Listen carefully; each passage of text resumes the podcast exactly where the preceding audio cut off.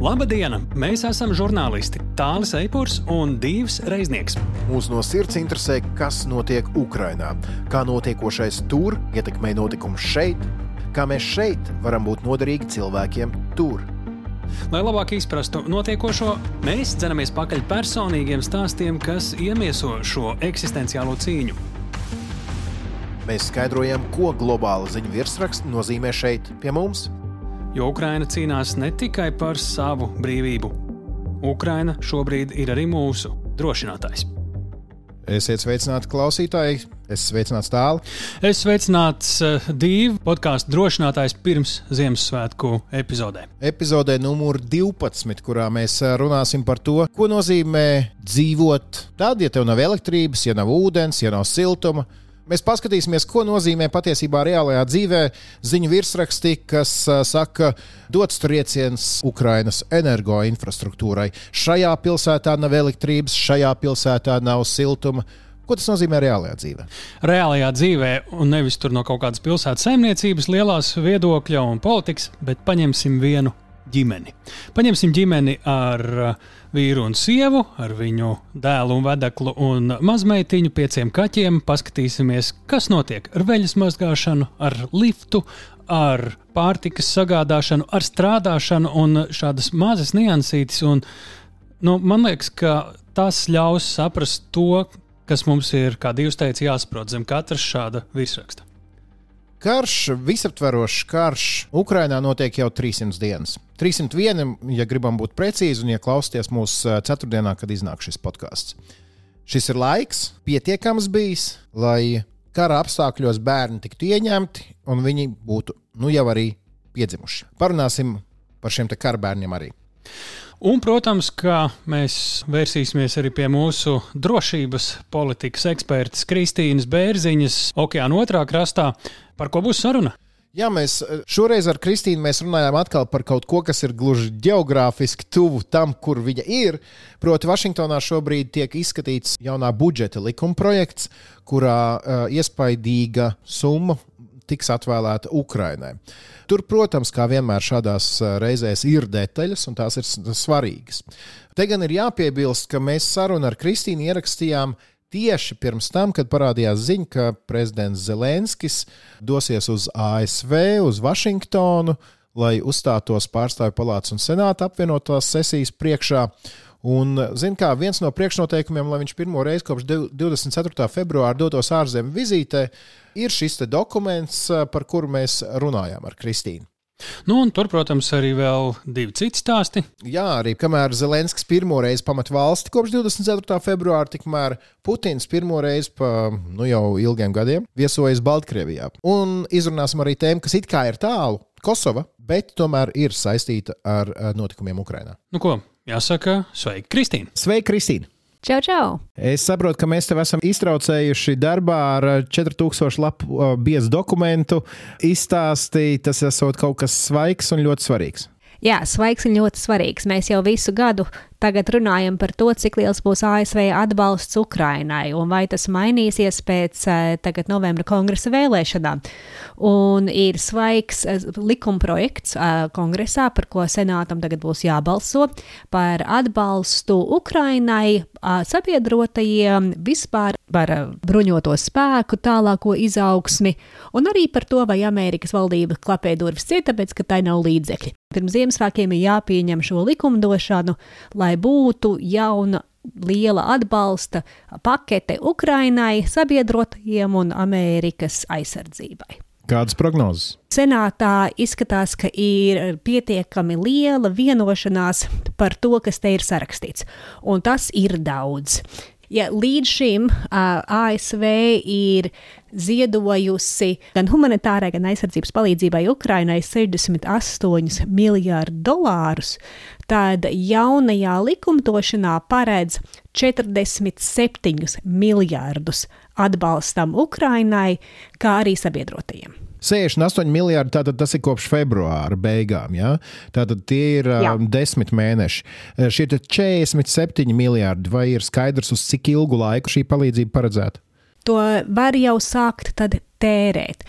Tagad iztērējis, tad skatīsies, ko darīt tālāk. Nav ne termiņš, līdz kuram to būtu jāiztērē, ne ierobežojumi, bet to šobrīd grib izstumt cauri tādēļ, ka būs kongress tādā jocīgā situācijā, sākot ar jauno gadu, kad augšpalāts būs demokrāta rokās un apakšpalāts būs republikāņu rokās, un ir iespējams, ka vispār jebko dabūt cauri pēc tam, un īpaši vēl pirms prezidenta vēlēšanām 24. gadā, ka būs ļoti sarežģīti. Un tā vēlme ir tagad atļaut un pieņemt likumdošanu, lai uh, Pentagons, lai valdība būtu spējīga kārtīgi atbalstīt Ukrainu un neatgriezties pie kongresa, uh, lai uh, un, un nepieņemt jaunus lēmumus. Apmēram cik vien daudz metīsim katlā, cik iespējams. Cik fokusēts ir šis likuma projekts? Te ir runa tikai par palīdzību Ukrainai, vai kaut kādā veidā mēs no Baltijas puses raugoties, varam sev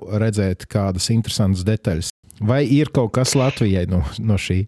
Būs, bet tajā 4000 lapas pusē, cik es varu saprast, Latvijas vārds neparādās, un Baltijas, uh, Baltijas valstis arī neparādās atsevišķi, bet ir runa par visiem uh, NATO sabiedrotiem un par atbalstu Eiropai. Un ir bijusi cita likumdošana, par kur arī specifisks uh, paketes un nodrošinājums konkrēti Baltijas valstu drošībai. Bet Šajā lielajā, piemēram, tiek atvēlēts 6,2 miljardi, lai nodrošinātu ASV klātbūtni Eiropā. Tad vienmēr ir jautājums, vai Amerika netaisās pagriezt muguru un pievērsties vairāk Ķīnas draudam.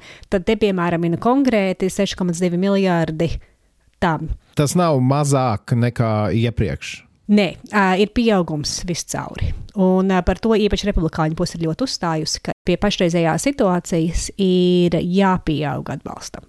Un to es arī dzirdu sarunās ar kongresa pārstāvjiem. Jā, protams, skaļi ir tie, kuri uzskata, ka varbūt nevajag tik ļoti ieguldīt aizsardzībā, un par tiem mēs esam iepriekš runājuši, bet tā klusais vairākums kongresā gribētu lai ASV sagādātu vēl vairāk ieročus, vēl jaudīgākus ieročus, un tas ļoti skaļais mazākums tikai iebilst. Skaidrs, nu ko pārcelsimies no tava kontinenta uz šobrīd manējo, pārcelsimies tuvāk kardarbības vietām. Divi notikumi, ko gribētu pieminēt.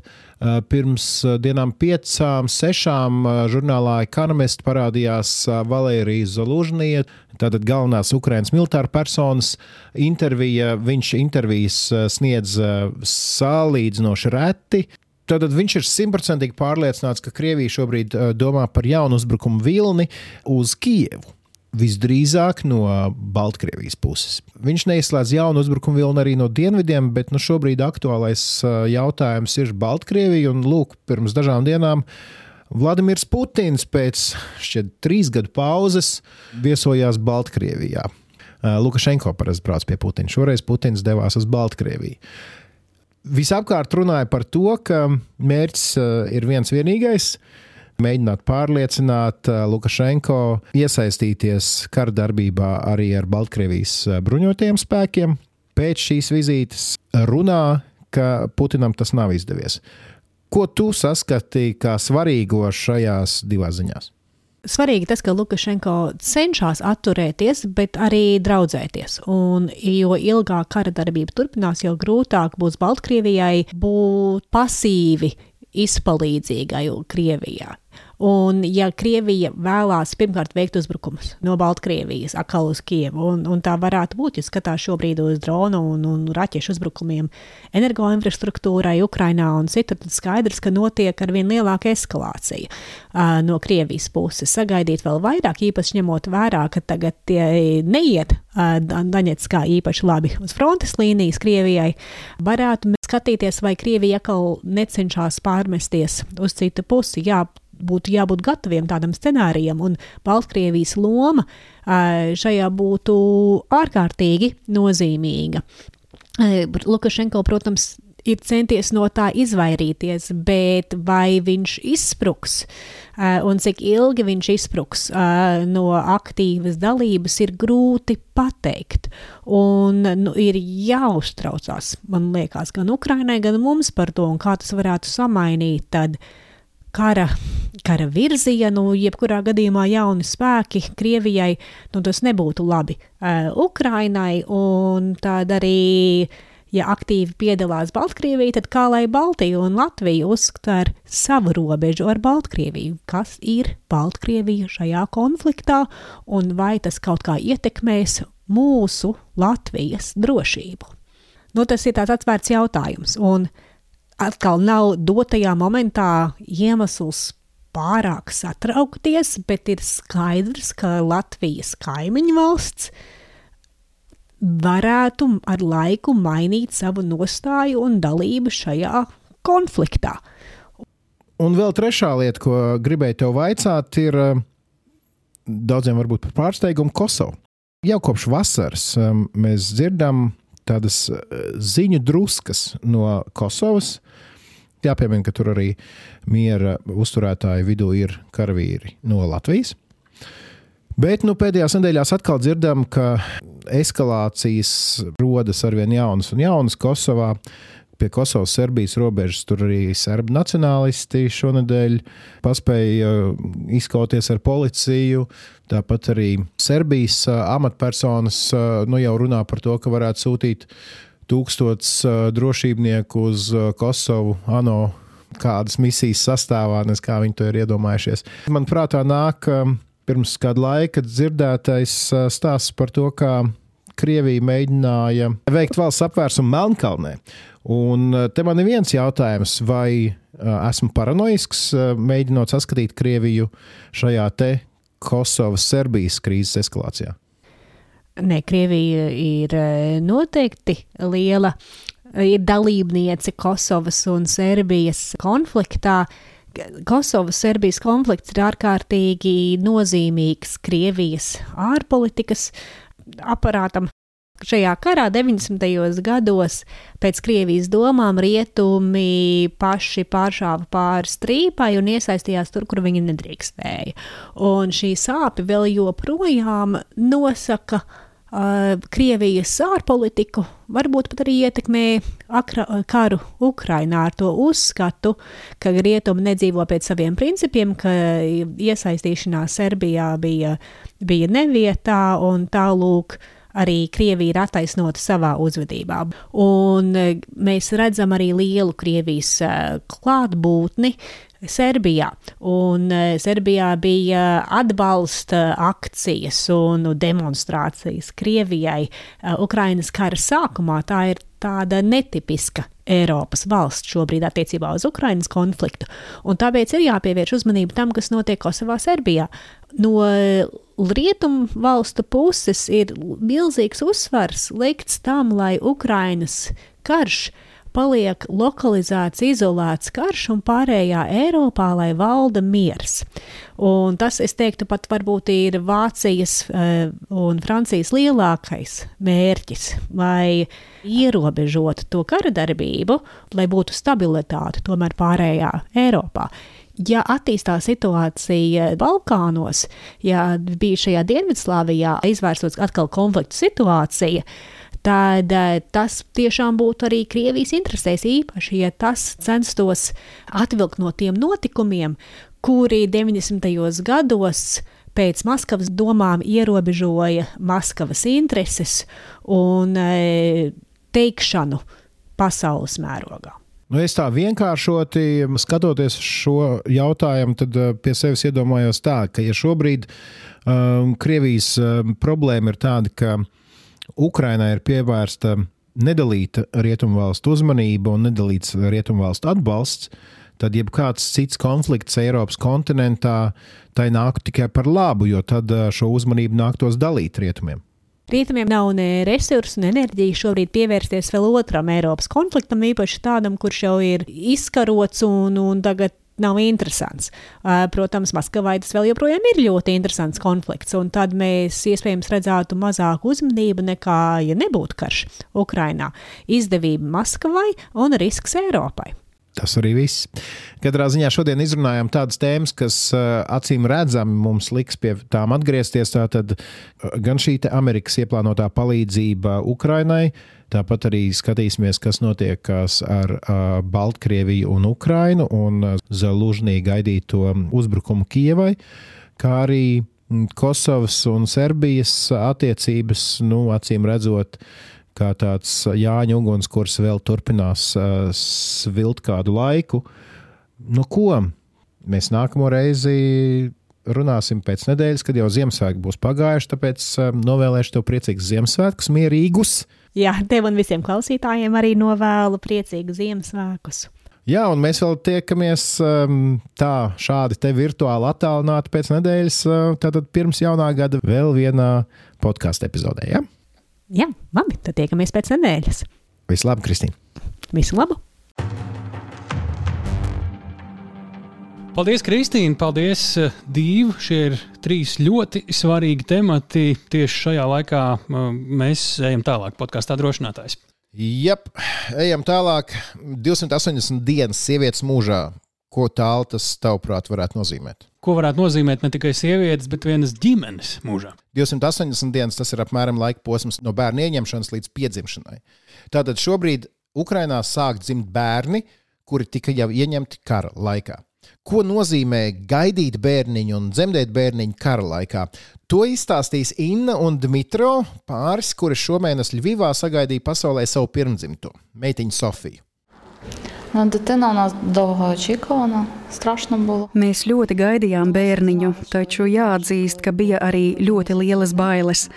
To, ka esmu stāvoklī, uzzināju tikai divus mēnešus pēc kara sākuma.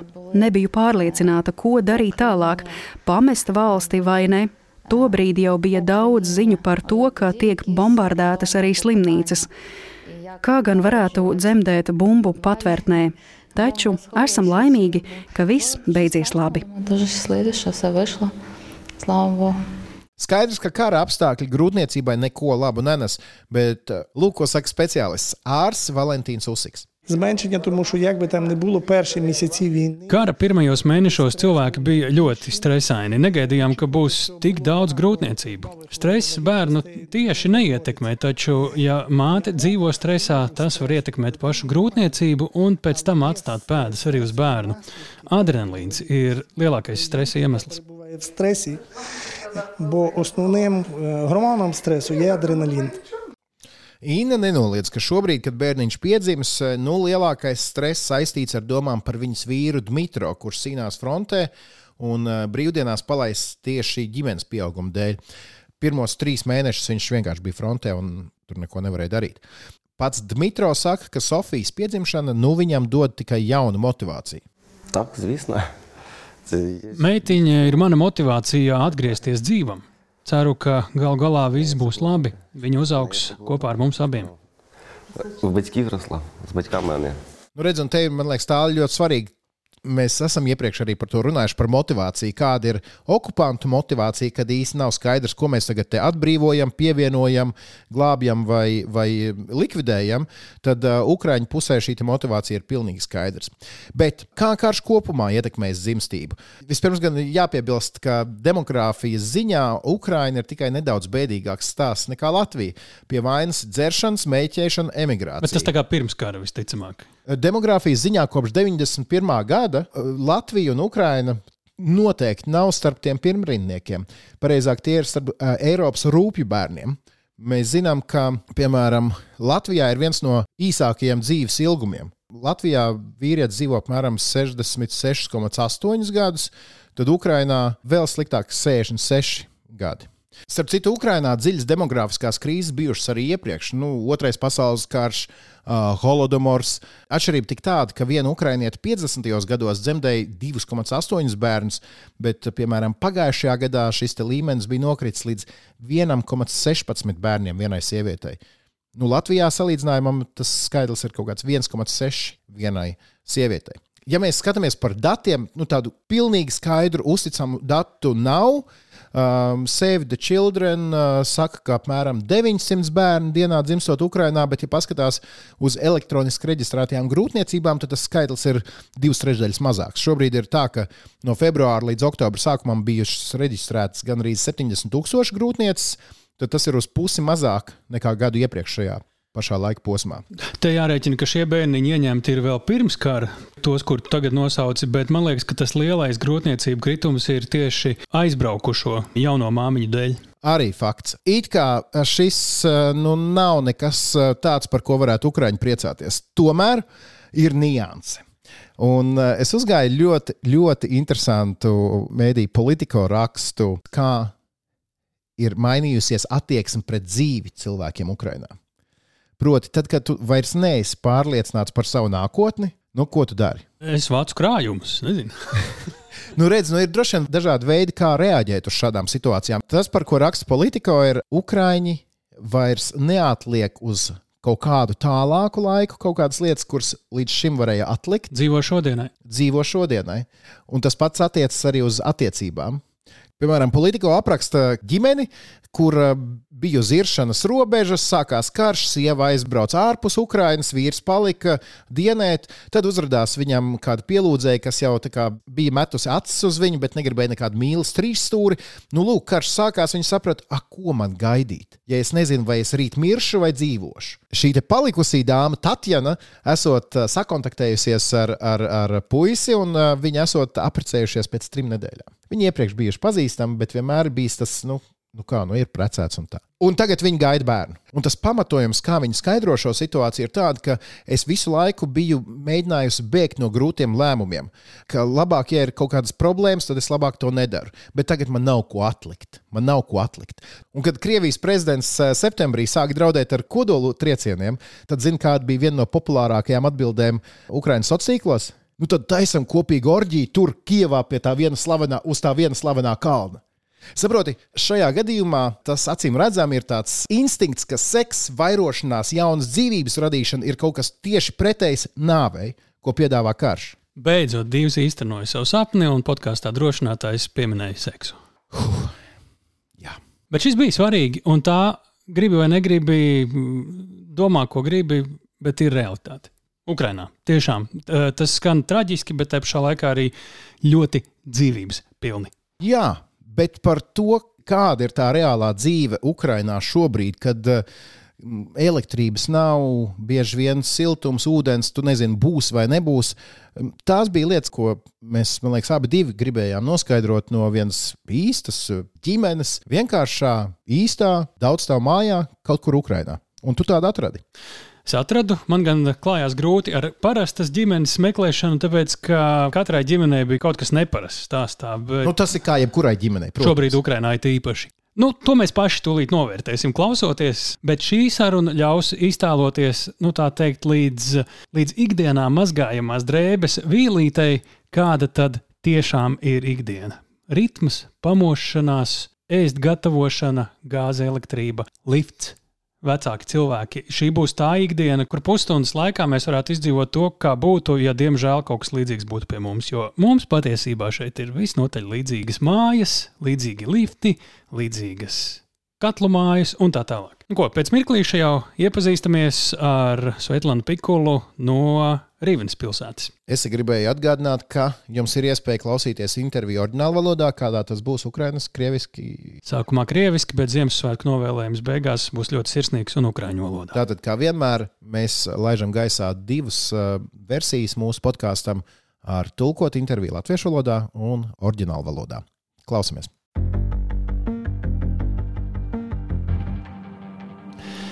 Labdien! Dobrdien! Pirms eh, tiešām iepazīstamies, jāsaka, ka eh, nebija viegli sazināties, jo Ukrainā šobrīd nevienmēr ir eh, pieejams internets. Jā, reizēm nav. Ja nav elektrības, nav arī interneta un pat citu sakaru.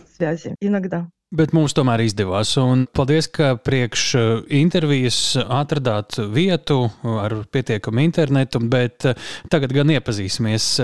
Kas jūs esat? Viņa sauc Svetlana Pikula. Mani sauc Svetlana Pikola. Es dzīvoju Rīvnes pilsētā. Tas ir Rietumukrainā, Rīvnes apgabalā. Pilsēta nav liela, ap 240 tūkstošiem iedzīvotāju. Tagad gan to ir vairāk, jo ir daudz iebraucēju no valsts dienvidiem un austrumiem. Mūsu apgabalam ir arī robeža ar Baltkrieviju. Skatoties Ukraiņas kartē, tas э, sanāk tā kā no Ļuvijas uz Kijavas pusi.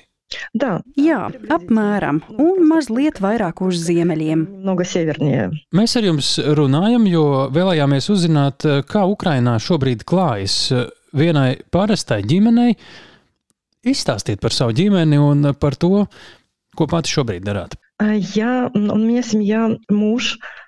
сын, невеста. Man ir vīrs, dēls, vedekla un mazmeitiņa. Es strādāju pilsētas avīzē.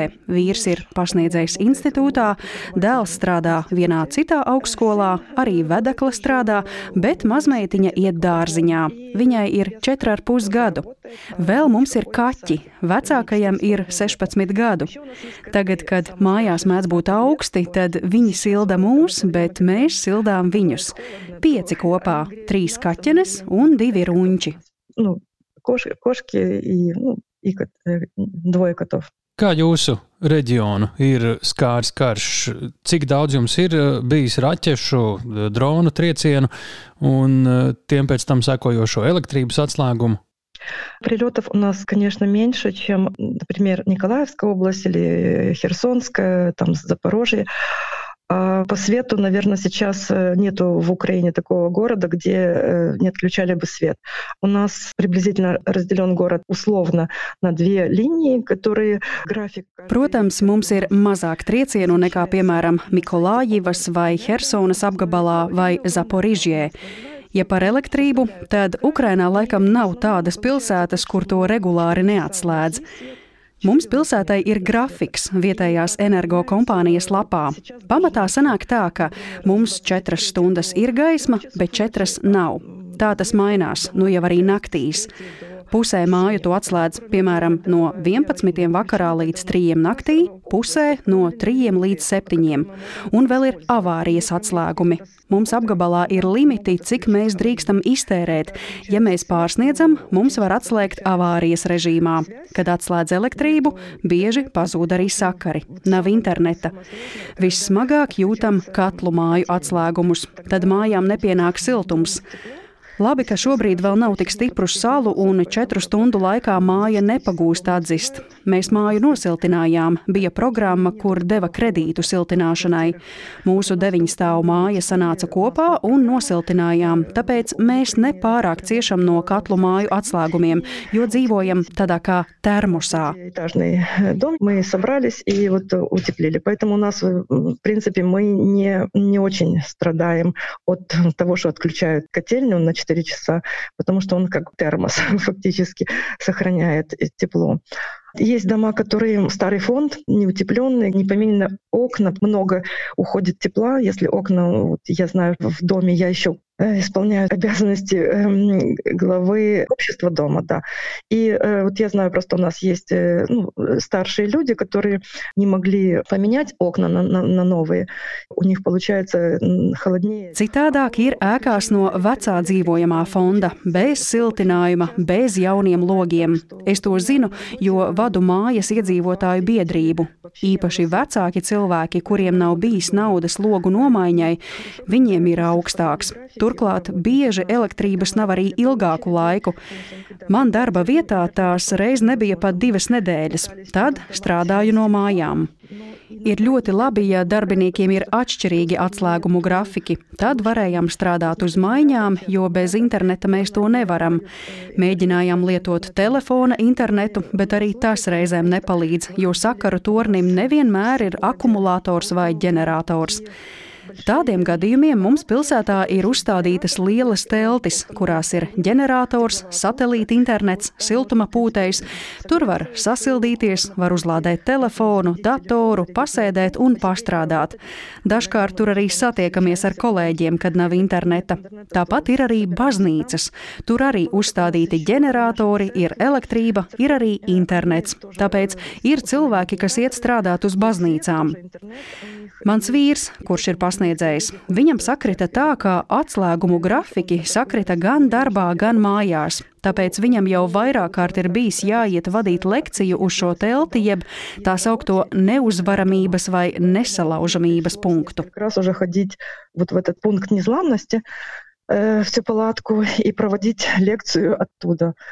Tas, ko es no jums dzirdu, ka ļoti daudz kas ir atkarīgs tieši no elektrības. Tā ir pakauts uh, э, viss dzīves ritms.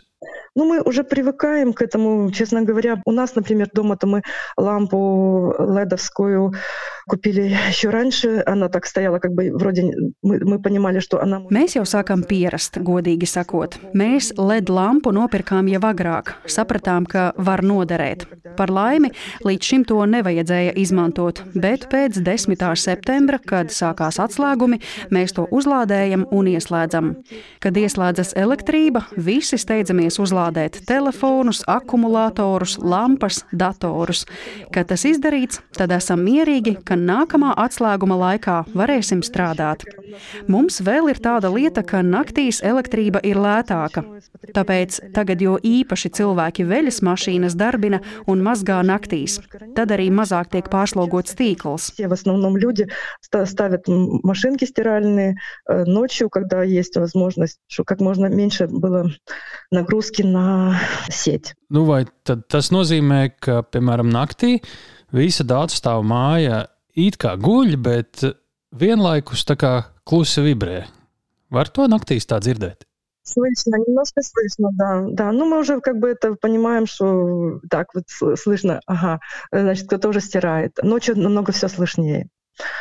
Nu, ja хотела еще рассказать про детей. Nu, у нас-то в садик ходит, потому что в школе. В школе... Jā, ir gan nedaudz dzirdams. Mēs jau saprotam, rūts, tātad kāds mazgā, un naktī arī ir labāk dzirdams. Vēl es gribētu izstāstīt par bērniem. Mūsu mazmeitiņa iet dārziņā. Skolās ir mazliet citādāk, bet arī dārziņā atslēdz elektrību un reizēm viņiem nevar pagatavot siltu ēdienu. Tāpēc tur lūdz līdzi dot cepumus, kādus augļus. Bet vissliktāk ir tad, kad vienlaikus ir gaisa trauksme un nav elektrības.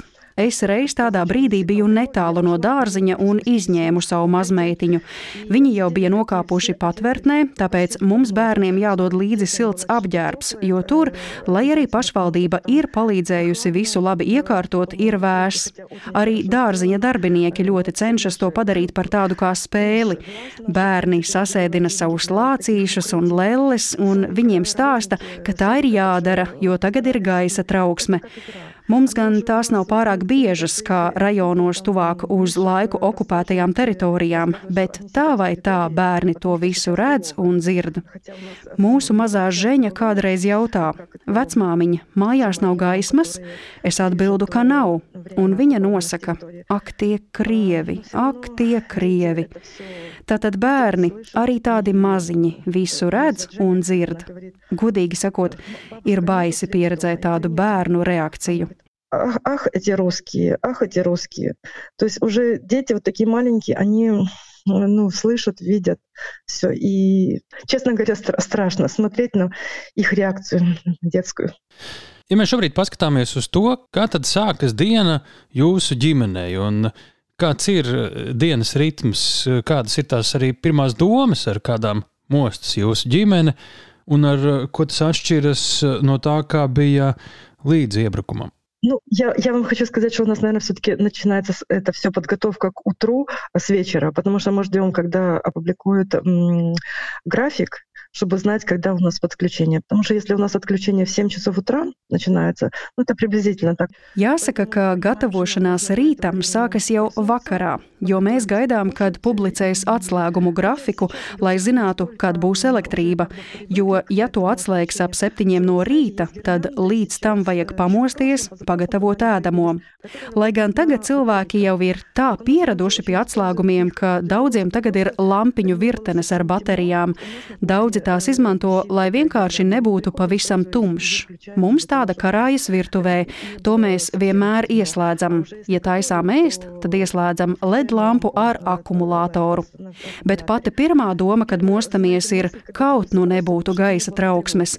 Tās laikā tomēr sajūta ir citādāka. Mums ir deviņu stāvu māja, un cilvēkiem augšstāvos trauksmes laikā ir ļoti bail, jo mums otrajā stāvā tas vilnis nav tik spēcīgs. Par laimi mums nav bijis daudz triecienu. Ir bijuši pa transformatoriem, TV raidītājiem, pa lidostu, pa pašu pilsētu par laimi tādu nav bijis. Bet tā vai tā cilvēki pārdzīvo un redz, kā tas ir citās pilsētās, arī tajās, kuras ir tālu no kara darbības. Tāpēc no rīta pirmā doma ir: paldies Dievam, ka nav trauksmes. Savācamies, skatāmies, lai viss ir uzlādēts, ja darbā ir elektrība, ejam uz darbu, ja nav, tad čatā uzzinām, ka pagaidām jāstrādā no mājām. И, слава Богу. Собрались. Самое главное, чтобы все было заряжено. Если на работе в это время есть э, электричество, мы идем на работу.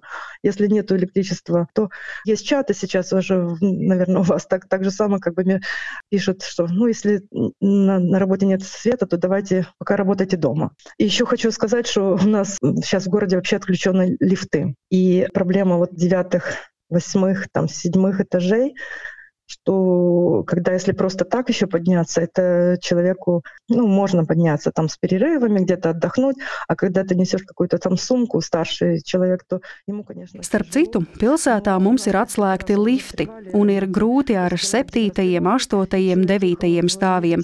Ja vienkārši jāuzkāpj, tad to vēl var, nu, kaut vai ar atpūšanos, bet ja kādam vecākam cilvēkam vēl jānes kāda soma, viņam, protams, ir grūti. Cilvēki ir arī iestrēguši iestrēguši liftos. Cilvēks bija liftā, atslēdza elektrību. Viņu atbrīvoja tikai avārijas dienests. Tāpat elektrībai ir ļoti nestabils spriegums. Tas ir no 170 līdz pat 270. Protams, 270 ir ļoti reti. Tagad gan ir nedaudz labāk, bet kādu laiku pašā sākumā, kad bija triecieni pa apakšstacijām, pa termocentrālēm, spriegums ļoti lēkāja. Tas ļoti bojā elektroierīces, to pašu leduskapi vai boileri. Tāpēc, līdz ko pazūd elektrība, visu velkam ārā no rozetēm, lai tai atkal ieslēdzoties nebūtu tā lēciena un dzinējs nesabojātos. Tas pats ir liftā. Stipras svārstības var sabojāt motoru. Tas nozīmētu, ka mums par dārgu naudu tas būtu jāmaina.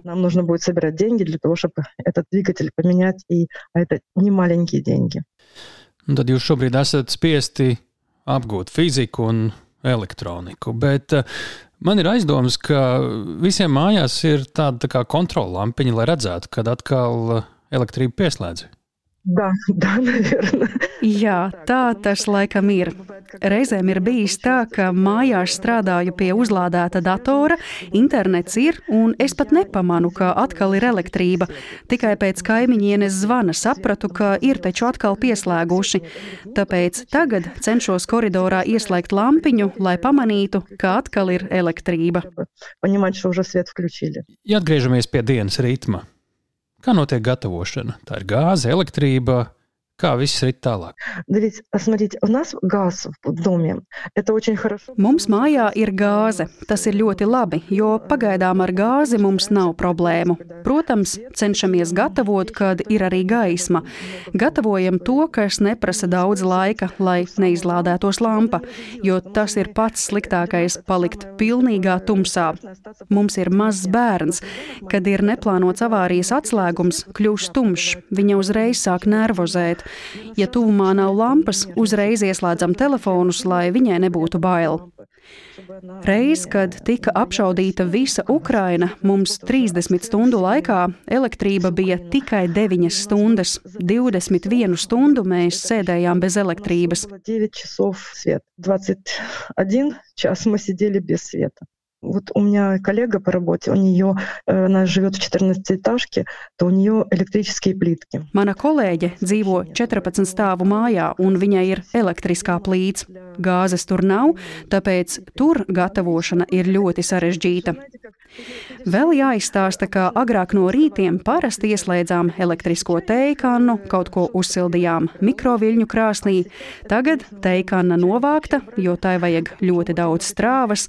Mikroviļņu krāsni praktiski nelietojam, esam atslēguši cepešu krāsni. Visu gatavojam tikai uz gāzes, jo ierīces apēd ļoti daudz elektrības. Arī citi pārsvarā jau ir pārgājuši no elektrības uz gatavošanu ar gāzi. Энергии. Это не только мы, это в основном так люди уже перешли с электрики на приготовление только на газе. Un ar ūdeni kā ir? С водой в городе, в принципе, более-менее нормально. Ar ūdeni pilsētā ir vairāk vai mazāk labi. Rivnas apgabala ūdens apgādes uzņēmumam sūkņu stacijā tagad ir ģeneratori. Kā atslēdzas gaisma, tā ieslēdzas ģeneratori. Protams, ir kaut kādi pārāvumi, bet tas tad ir atsevišķos rajonos, bet ne visā pilsētā. Tāpēc ūdens ir. Это может быть по районам, но не полностью город. Город у нас э, вода, в принципе, нормальная. А вот отопление-то у нас э, много Citādi ir ar apkuri. Mums ir daudz katlu māju. Ja katlu mājas elektrības grafiks sakrīt ar mājas grafiku, tad ir ļoti slikti, jo tad no katlu mājas nenāk ūdens apkurei, mājā nedarbojas sūknis, kas palīdz apsildīt māju. Man cilvēki ir sūdzējušies, ka tad dzīvoklī ir 10 līdz 12 grādu. Tagad sala nav, bet kad bija augsts, tad tā bija что 10-12 градусов в квартире бывает. Сейчас то мороза нет, а на мороз то вот такая была ситуация. Kāda, jūsuprāt, būs ziema, ja mēs saliekam kopā visas mūsu jau apspriestās problēmas?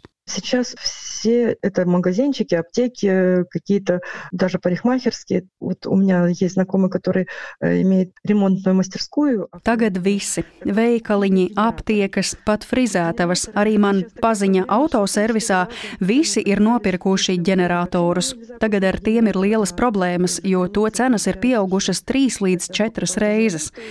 Ukrainā tos vispār nevar nopirkt, bet no ārzemēm tie tālu ceļu jāved un jāpērk par valūtu. Par ģeneratoriem stāstu, jo tagad, kad ej pa pilsētas rajonu, kur nav elektrības, ir sajūta, ka ej pa tādu kā traktoru staciju, jo uz ielām darbojas ģeneratori. Tāpēc arī vietējā vara cenšas palīdzēt katlu mājām iepirkt ģeneratorus. Mums pārsvarā tās ir privātas. Tas tāpēc, lai tās turpinātu sildīt arī tad, kad nav elektrības, jo bez elektrības vēl var padzīvot, bet augstumā jau ir diezgan baisi. Ļoti ceram uz to, ka ziema nebūs augsta, jo bez elektrības mēs vēl iztiksim. В холоде это, наверное, очень страшно. Надеемся, что не будет холодной зимы, A tā, kas visu vietu mēs prasīsim. Bet tagad es atkal gribētu atgriezties pie jums mājās. Kāda jums mājās tagad katram ir pienākumi visas šīs situācijas dēļ? Kas un kuram ir jādara regulāri vai citādāk? Ну, он, может быть, не сильно поменялся, просто более как бы конкретно уже все знают, что, допустим, если... Tā būtiski nekas nav mainījies, bet katrs precīzāk zina savu darāmo. Ja pieslēdz elektrību, tad vīrs, piemēram, ieslēdz visu, kas jāuzlādē. Mans dēls atbild par pārtikas iegādi. Tagad veikali gan ir pielāgojušies, bet gadās, ka aizēj, bet tur nav elektrības un neko nevar nopirkt. Klāt nācis vēl viens pienākums. To mēs dalām ar dēlu. Mājas apkures sistēmai ir sūknis. Mēs ļoti uztraucamies par to un ceram, ka tas pārcietīs šo ziemu. Tāpēc, līdz ko pazūd elektrība, ejam to izslēgt. Bet, kad tā atgriežas, tad pēc kādas pusstundas ejam sūkni atkal ieslēgt, lai mājās normāli darbotos apkure. Включаем, чтобы нет. А когда уже включился свет, то через какое-то там полчаса мы идем включаем насос, чтобы дальше нормально шло отопление в дом. Ну, невестка у нас всегда была ответственная по стиранию. Она ночами иногда, потому что у нас ребенок. Vedekla vienmēr ir bijusi atbildīgā par veļas mašīnām, tā skaitā naktīs, jo mums ir mazs bērns un viņai drēbes jāmazgā biežāk. Kādreiz naktī pat divas reizes, lai izmazgātu visas mūsu mantas. Ja agrāk bieži ēdām atsevišķi, kā nu kuram sanāca, tad tagad, ja nav elektrības, tad cenšamies to darīt kopā, lai būtu gan jautrāk, siltāk un gaišāk. Tas mums vēl tāds papildus stāsts. Visi kopā aprunājamies. Visi razum, visi vmiesti apsvērstām. Nu, kaut kādā ziņā šis pats skan ļoti labi. Да, да, да, да. Но это нас всех украинцев. Jā, jā, tas mūs visus ukraiņus apvieno, jo agrāk kāds nebija apmierināts ar to vai ko citu, bet tagad cilvēki cenšas to izrādīt mazāk, jo problēmu jau tā ir tik daudz, un negribas celt augšā tās, kuras, kā izrādās, nav nemaz tik svarīgas. Cilvēki ir sākuši dzīvot un sarunāties nedaudz citādāk elektrības nēsamībai ir arī nelieli plusi. Piemēram, mums pagalmā satiekas pensionāres, pastaigājas ar saviem mazbērniem. Tagad tas notiek biežāk, jo vakaros, kad nav elektrības, labāk ir iziet ārā. Tur ir arī lukturis, kas spīd. фонарь у нас во дворе есть, как он светится.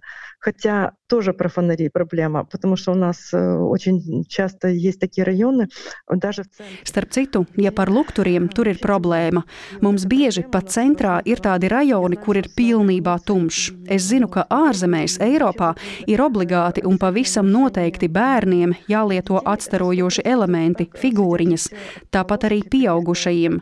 Mums līdz šim tā nebija, bet šo šodienas situācijā cilvēki paši sākuši tos lietot, jo mašīnas reizēm brauc pilnīgā tumsā. Потому что машина иногда едет просто в темноте. Ja mēs runājam par э, pārtikas, medikamentu, dažādām vajadzībām nepieciešamo э, preču iepirkšanu, vai jums ir viss dzīvē vajadzīgais minimums, vai tomēr ir svarīgas lietas, kuras diemžēl ir mainījušās?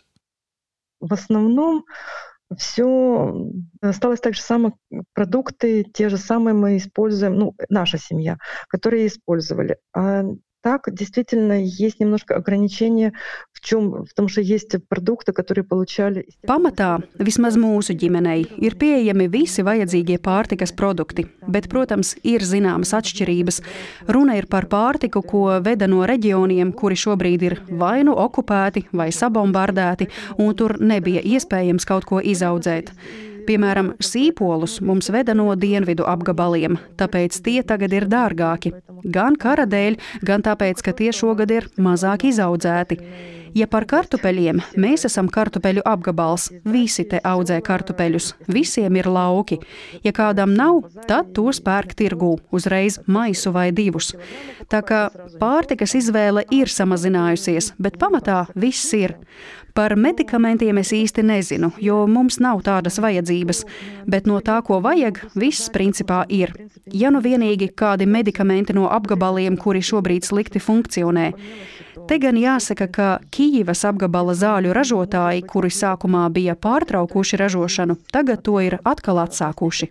Сейчас плохо функционирует. Хотя первое время я знаю, что была проблема, а потом наши фармакологические предприятия в Киевской области, они стали работать и восстановили производство. Tagad klāt ir svētku laiks, un, cik saprotu, Ukrainai tie ir vismaz trīs svētki. Tie ir Eiropas Ziemassvētki, Jaunais gads un tad vēl arī pareizticīgo Ziemassvētki. Tā sanāk, ja?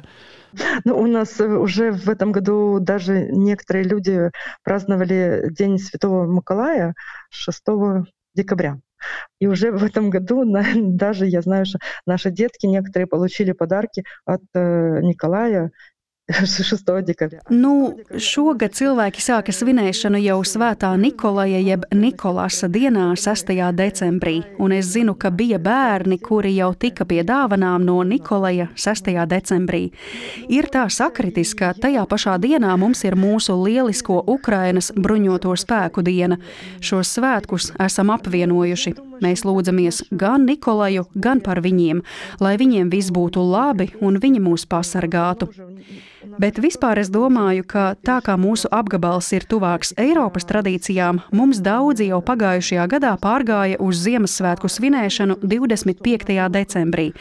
Bet šogad Ukrainas pareizticīgā baznīca atļāva izvēlēties katrai draudzēji, kad viņi svinēs Ziemassvētkus. Un es zinu, ka mūsu apgabalā daudzi tā arī šogad darīs, bet nākamgad var gadīties, ka mēs jau pilnībā pāriesim uz Eiropas kalendāru lai gan, gan jau turpināsim svinēt arī 7. janvārī. Tādas mums tās tradīcijas. Хотя будем праздновать и, и еще и потом и 7 января. У нас таки, такие традиции, что... Un jūsu ģimenē svētki, ar ko tie atšķirsies no citiem gadiem? Protams, mēs jau varam it kā iztēloties pēc tā, ko jūs jau mums esat stāstījusi. Ну, я э, начну с города. Э, в принципе, было как бы э, голосование людей, и в основном все Sākšu ar pilsētu. Mums bija iedzīvotāju balsojums, kurā praktiski visi bija pret eglītes uzstādīšanu. Eglīte tas ir labi, bet bez gaismiņām un mantiņām, kas ēd elektrību, tā nepēc kā neizskatās. Tāpēc mums centrālās eglītes šogad nebūs. Mums tādas nebija arī pagājušo gadu koronavīrusa dēļ. Bet mājās mums ir mazs bērniņš, un viņai jauno gadu neviens nav atcēlis. Un mums jau ir mākslīgā eglīte, tāpēc tā kopā ar mantiņām guļ un gaida savu laiku, un, protams, tiks uzstādīta. у нас лежит, ждет своего времени, игрушки тоже, то она будет установлена, конечно, Сейчас, конечно, в основном, я так смотрю по людям, если раньше это было с празднованием там, даже дня рождения, там приглашались э, знакомые, родственники. То сейчас... Tagad jau pamatā cilvēki tā, ja agrāk svinēja svētkus vai dzimšanas dienas un ielūdza paziņas un radus, tad tagad tas ir šaurs loks, ģimene un varbūt kāds pavisam tūšs cilvēks. Bet bērniem tomēr tas ir vajadzīgs. Viņi ir pelnījuši, ka viņus neaizmirst. Gribas viņiem uzdāvināt dāvanas un sarīkot nelielus svētkus. Nekādas korporatīvās ballītes darbā mums arī nebūs. Pasēdēsim pēdējā dienā pirms jaunā gada, parunāsim, atcerēsimies, kāds bijis šis gads un plānosim turpmāko dzīvi. Mēs vienmēr mūsu sarunu beigās jautājam, ko jums novēlēt. Ko mums jums novēlēt šādā laikā par to, kā to pārdzīvot? Всегда первое, что желают, это победы. Tagad pirmais, ko pie mums vienmēr novēl, tā ir uzvara. Vienmēr, vai tā būtu dzimšanas diena vai citi svētki, uzvara ir pirmais, ko ik viens citiem novēl.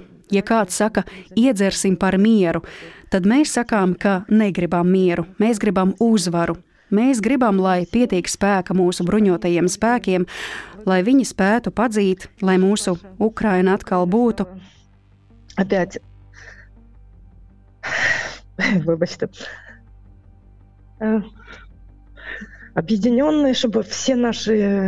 Apvienota, lai visas mūsu teritorijas atgrieztos ģimenē. Es gribu, lai mums novēl, ka mēs varētu nākamgad braukt uz Krīmu, uz mūsu Ukrainas Krīmu un izpeldēties mūsu Melnajā jūrā. To šobrīd ļoti gribētos.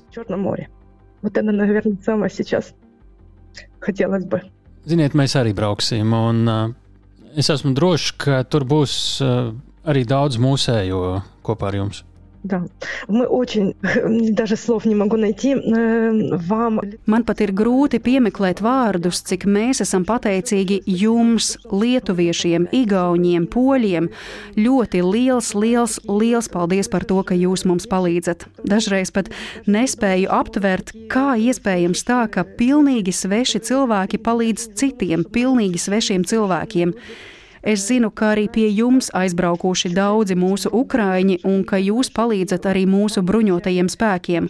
Par to jums ļoti, ļoti liels paldies! Сбройным силам тоже помогают, так что это вам тоже большое-большое спасибо. Ļoti, ļoti liels paldies arī jums par sarunu. Un mm, vēl es vēlējos palūgt no jums sveicienu svētkos mūsu klausītājiem Ukraiņu valodā. Я, я хочу привітати всіх слухачів вашого радіо, ну і всю вашу країну з цими святами, які будуть цей Різдво і Новий рік. Хай буде завжди у вас в домі тепло, світло, щоб ми могли зустрічатись за одним столом. І щоб коли буде наша перемога, а перемога буде дійсно і наша, і ваша, ми змогли це відсвяткувати всі разом. Дякую вам за все. Дякую.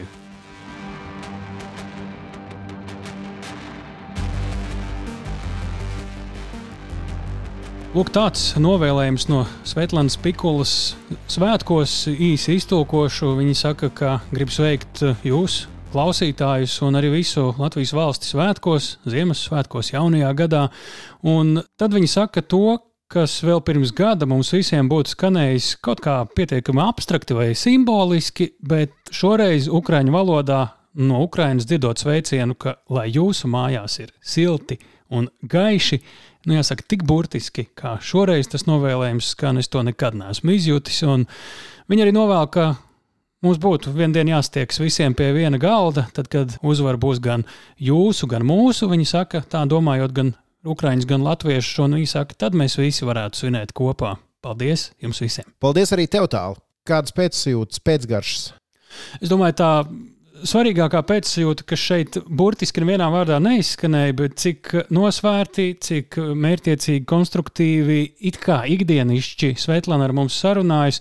Un tad tie daži brīži, kur viņa izlauž emocijas, un tas man visu laiku tādu vadmotīvu apakšā liek just, kā viņi turās, kā viņi reāli cenšas ar to visu tikt galā. Jo, ja tu visu laiku, es nezinu, baidīsies vai skumsi, nu, tad tas ir beigas, un uh, tas prasa milzīgu spēku. Manuprāt, viņiem tik galā ar visu to, ko mēs nu, pat arī dzirdējām. Bet es atceros, ka es iepriekšējā epizodē Tu vēl divus, starp citu, nosmīnēji. Jā, kuram, kurš gan nezina, kur atrodas kartē, tur tajā gadījumā Piedņestra, bet šajā gadījumā es pieķēros vēl vienai kartē. Nu, nu, tu mums esi kart, karšu fanāts. Varbūt. Jo klausoties, ko stāstīja Svetlana, viņa pieminēja šīs teltis, kur var saņemt dažādu veidu atbalstu, siltumu, internetu, uzlādēties pie elektrības, vienkārši drusku varbūt attiekties. Un to nosaukums ir nesalaužamības vai neuzvaramības punkts. Un Rīvnes pilsētā tas ir teltis, cik mēs dzirdējām. Un, ja jūs aiziesiet uz adresi neizlamnist.gov.ua vai arī vienkārši pameklējiet kaut kur par šīm teltīm, jūs ieraudzīsiet karti, kas ir Ukraiņas karti, kas ir burtiski nosēta ar šiem punktiem. Es biju izbrīnīts, cik nenormāli daudz šādu telšu ir. Klausies, bet mums nevajadzētu uztaisīt kādu interviju ar kādu no šī punkta darbiniekiem. Ko reāli tur cilvēki dara, cik ilgu laiku pavadīja, kādi cilvēki tur nāk? Es domāju, liekam, aiz auss. Un šeit droši vien jāaicina arī klausītāji, raksta uz drošinātājs Latvijas radio LV un arī savas idejas sūtat. Jā, rakstat um, uz mums uz e-pasta vai Twitterī lietojot hashtagu uh, drošinātājs. Vienmēr sakot, kontaktējieties ar mums. Un es noteikti gribu atgādināt par iespēju arī uh, lasīt LSM, LV Tur parasti mēs ievietojam arī lielās šīs intervijas ar nelielu bonusu, ar dažādām bildēm, un tāds būs arī šajā gadījumā. Un, protams, to tekstu varēs tikai noklausīt, bet tie, kur ir lasītāji, ir izlasīti. Un uh, ik pa laikam, protams, arī mūsu eksperta Kristīna Bērziņa lielajā medijā, LSMLV, tiek citēta. Un uh, es domāju, šī epizode jūs noteikti varat ieteikt citiem, ja kāds grib saprast par ģeopolitisko lielo situāciju. Kristīnas komentāri, protams, ir nenovērtējami. Tieši tā, un ja šī ir pirmā reize, kad klausāties drošinātāju, es jūs iedrošinātu noklausīties arī 11 iepriekšējās epizodes, jo katrā no tām ir arī šīs lielās intervijas ar cilvēkiem Ukrajinā vai, vai cilvēkiem Latvijā, kas um, palīdz Ukrajinai. Bet, nu, ko laiks ir atvadīties uh, šajā nedēļā? Pieliksim punktu 12. epizodei ar kādu īpašu dziesmu.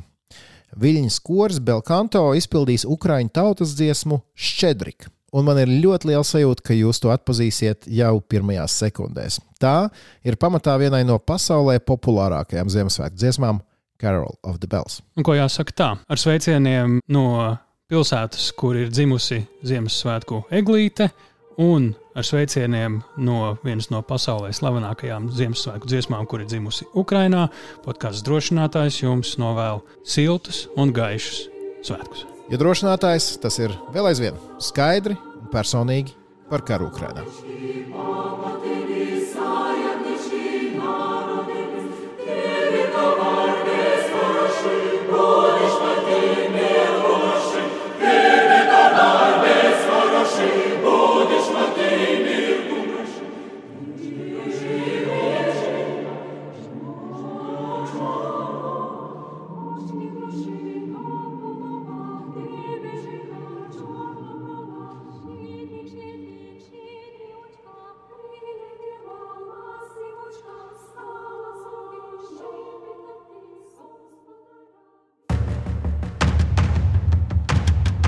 Raidieraksts drošinātājs.